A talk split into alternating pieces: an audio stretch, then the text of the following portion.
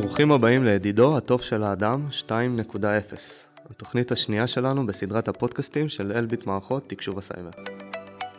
וואו, עבר יותר מדי זמן מהתוכנית הקודמת, אבל אה, שומר החומות קצת קלקל לנו את הלו"ז, בכל זאת אה, אלביט מערכות. אני ליאור בן והיום אנחנו הולכים לדבר על תחום חדש שמתפתח בשנים האחרונות, בעולם הרובוטיקה, Man Unmanned Teaming. ציוות אדם מכונה. האורח שלנו היום הוא עמי. יחד נזכור את הפעילויות של עמי בתחום, מהם המחקרים שבוצעו, נשמע ממנו איפה אלביט נמצאת, ומה הכיוונים שאלביט הולכת בהם. ברוכים הבאים לפודקאסט של חברת אלביט מערכות. טוב, אז כמו שאמרתי, האורח שלנו היום הוא עמי. עמי הוא מנהל תוכנית מו"פ בגוף ה-CTO של חטיבת תקשוב וסייבר. אהלן עמי, ברוך הבא. אהלן ליאור.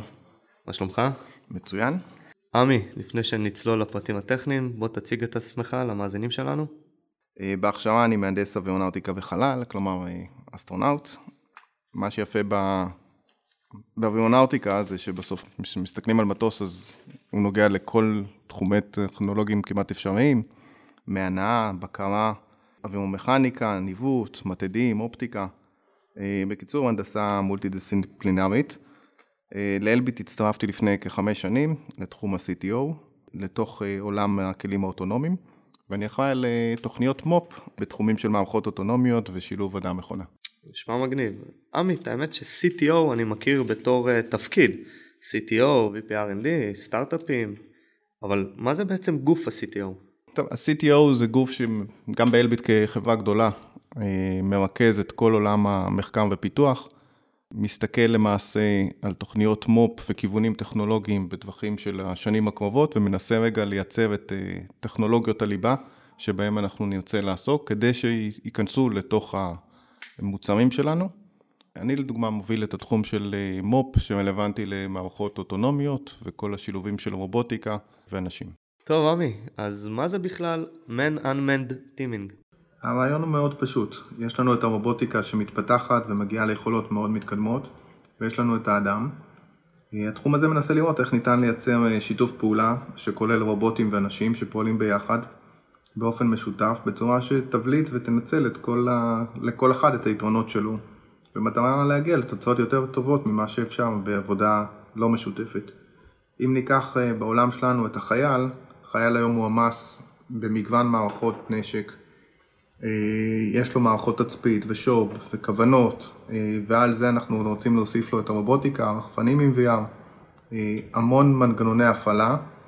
יש לו בסך הכל הרבה אמצעים שגוזלים ממנו קשב רב, אה, מה שיוצר אצלו גם עומס פיזי וגם עומס קוגניטיבי מאוד גבוה. אה, ונוסיף אה, על הכל, אנחנו רוצים שהוא יפעיל אותם תוך כדי, במצב לחימה, תוך כדי שהוא נלחם. כדי לעשות את זה הוא צריך להיות סופרמן. המטרה שלנו היא לנסות לעשות לו קצת סדר בכל מה שקשור להפעלה של רובוטיקה, ולנסות לשים לו סוכנים שיסייעו לו בהקשר הזה. יש לך דוגמאות? כן, עד היום השתמשו ברובוטים בשלט רחוק, במשימות בהם היה מסוכן לערב את הגורם האנושי, או שהמשימה הייתה משעממת והיה חשש שהמפעיל האנושי יאבד קשב. מה שנקרא באנגלית דיבה שלישית, dumb, dull, then dangerous. אה, דוגמה לפעילות מסוכנת מאוד מוכרת זה רובוט אה, שמשמש חבלנים משטרתיים. אה, יש גם דוגמאות מעולמות כלי הטיס הבלתי מאוישים, המזל"טים והמל"טים לשעבר, שמבצעים למעשה משימות סריקה ומודיעין בשליטה מרוחקת, אבל בכל המקרים האלה זה פחות כלים אוטונומיים שמתקשרים עם בני אדם. אנחנו רוצים להגיע למצב בו הרובוט עובד יחד עם האדם בצורה הרבה יותר אינטואיטיבית. אם ניקח לדוגמה מצב בו אתה תנחת עכשיו בסין ותהיה מוקף רק בסינים, כנראה שתוכל לתקשר איתם ברמה הבסיסית גם בלי לדעת סינית. אה, אם תרצה להגיע למלון או לבחור מסעדה או כל פעולה אחרת ברמה כזאת או אחרת. פעולות בסיסיות. כן. יש מהן כנראה איזשהו, בוא נקרא לזה, שפה גנרית של אנשים שהם יודעים לתקשר בין אחד לשני גם בלי לדעת את השפה. אז אנחנו רוצים להגיע למצב כזה גם עם הרובוטים, אנחנו רוצים ש, שהחייל יוכל לפנות ולהפעיל את הרובוט בלי הכשרה מוקדמת. אה, כן לנסות אה, לקבל ממנו תפוקה וכן אה, להפעיל אותו ברמה, ברמה בסיסית כמובן, כדי לעשות את הדברים האלה אנחנו נצטרך רמת אוטונומיה מאוד גבוהה גם בכלים הרובוטיים. רגע, אבל אנחנו כן רואים מכונות אוטונומיות. כן, אנחנו רואים עכשיו את הניצנים של האוטונומיה. מבלי להיכנס ליותר מדי פרטים, כרגע המכוניות שאנחנו רואים, אם מודדים את אה, רמת האוטונומיה, ממדרגים אותה בסולם שבין 1 ל-5, ש-5 זה כלי אוטונומי לחלוטין, מה שאנחנו רואים היום על הכבישים, גם טסלה, אה, הוא נמצא ברמה 3, שזה אומר שבכל מצב הבן אדם נמצא בשליטה, יכול לקחת שליטה מלאה על הרכב, והרכב רק מסייע לו במהלך הנסיעה, ולכן צריך לשים לב שגם ברכבים אוטונומיים היום, התקינה הבינלאומית מחייבת למעשה אה, שילוב של אדם בחוג, בין אם הוא נמצא בתוך הרכב ובין אם הוא שולט מרחוק, כדי להגיב במצבי קיצון. תגיד עמי, אני זוכר שלפני 18 שנים היה סרט דוח מיוחד עם תום קרוז, ושם רואים שוטרים ששולחים מלא עכבישים רובוטיים לסרוק מבנה ולחפש חשודים. זה בעצם מה שהם מנסים לעשות? זה בכלל משהו שמתקרבים אליו? יפה שאתה זוכר את הסרט, אחלה סרט, לכו לראות.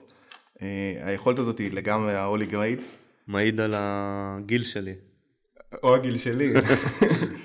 אה, אנחנו עדיין לא שם, אבל זה בהחלט יכולת ש, שמאוד מעניינת. אה, אם מסתכלים על השנים האחרונות, אז ה, היו כמה מהפכות, הטלפונים הניידים הקפיצו את היכולת של התקשורת, את היכולות עיבוד והסנסורים הדלי הספק. אה, אלגוריתמיקה לסריקה יש, יש המון מחקרים גם על עבודה מתואמת של מספר סוכנים ורובוטים. אבל, ופה אבל הגדול, כשמחברים הכל ביחד, שם מתחילים האתגרים האמיתיים, וזה מסובך מאוד. יש משהו בממשקי אדם מכונה מעבר לתפעול אה, עכבר מקלדת שהגיע לבשלות כלשהי? שלחתי לך כמה סרטונים מגניבים, אתה מוזמן לצפות. אה, יש מלא דברים. אה, קודם כל, ממשקים קוליים. אז אצלי בבית הילדים מדברים, כבר לא, כבר לא מתקתקים במחשב, הם רק מדברים איתו. מדברים שלום סירי, שלום מירי, תעשי ככה, תעשי ככה. תיקח את זה לעולם של החייל, החייל עסוק בסוף עם אה, ידיים על הנשק, הוא לא יכול בעצם לתפעל מקלדת, עכבר או כל מיני דברים אחרים, והוא צריך להיות, אה, להפעיל אה, כלים, אז הכי טריוויאלי שהוא יגיד לכלי, כמו שהוא מדבר על לוחמים אחרים, לך תחפה עליי, תשמור מפניי או תעשה כל פעולה אחרת שאנחנו רוצים. זה עדיין מסובך, כי היום כל הזיהוי הקולי מבוצע בעננים, בשרתים מאוד חזקים, ואנחנו כדי להפוך את זה לעולם הצבאי, אנחנו צריכים להריץ את זה בעצם על חומרות דלות הספק בצורה מאוד אה, אה, מהירה, אה, וזה מה שאנחנו מחפשים.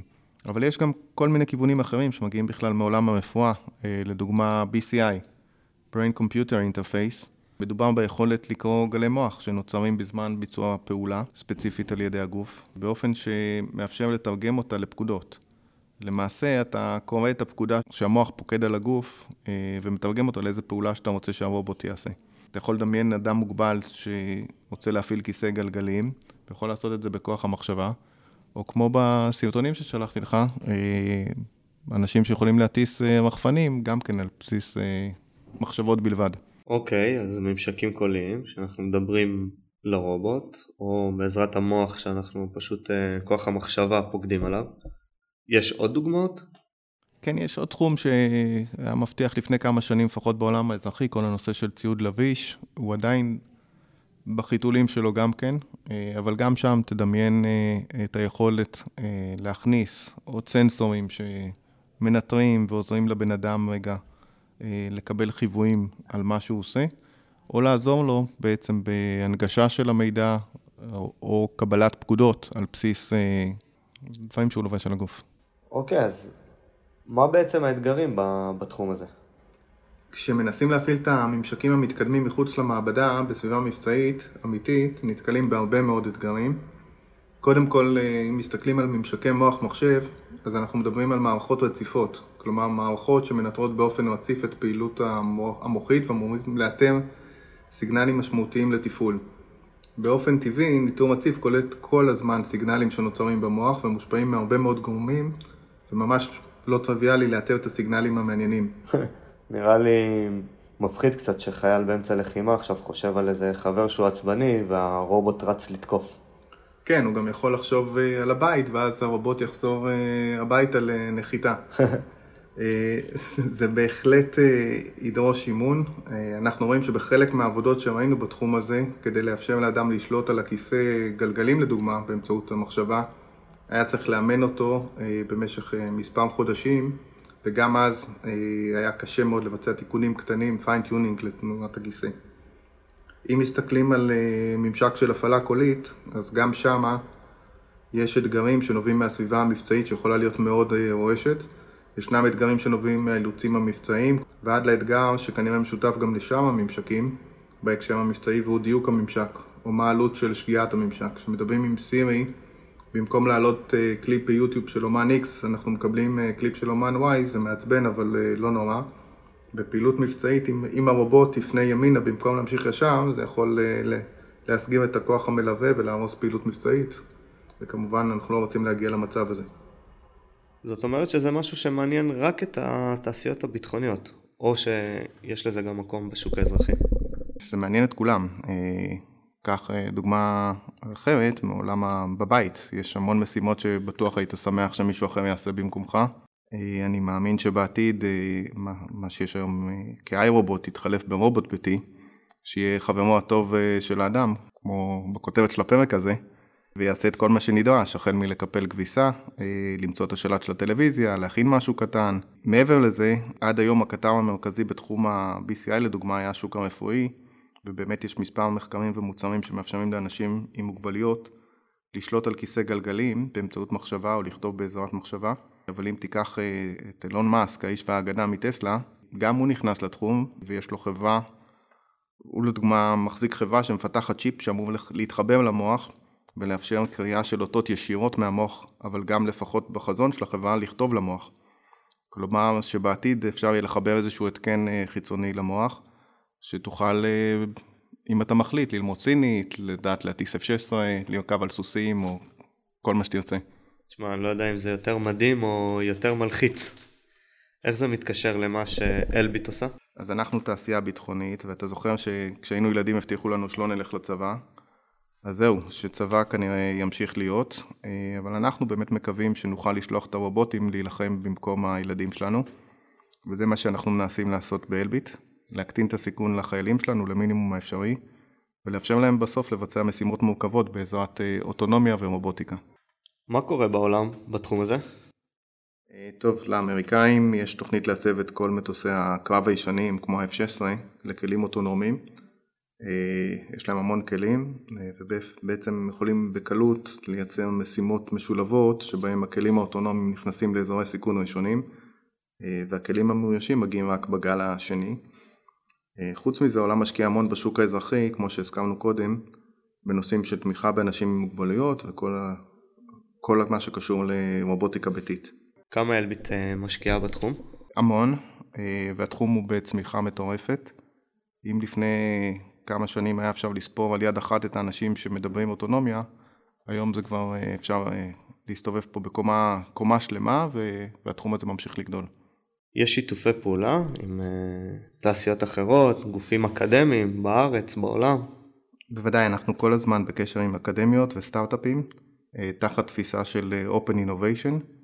Uh, קצב ההתפתחות בעולם הוא, הוא מטורף ולא בהכרח אנחנו יכולים לפתח את הכל uh, לבד, ולכן uh, שיתופי פעולה בתחום האלה הם בעלי חשיבות גבוהה.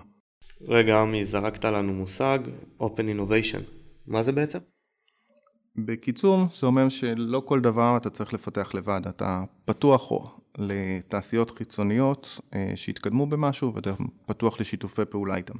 אתה יכול לתת דוגמה, עמי, לשיתוף פעולה כזה שאתם עושים עם אה, האקדמיה או עם אה, חברה אחרת?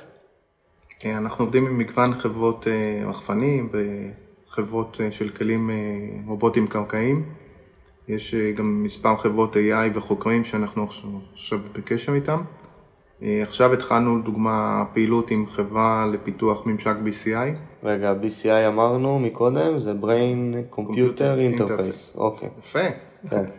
אה, לטובת הפעלה של אה, רחפן, שאני מקווה מאוד שיבשיל לפרויקט הדגמה עד הפודקאסט הבא שלך. מקווה מאוד שיהיה לכם בהצלחה עם זה. תודה רבה.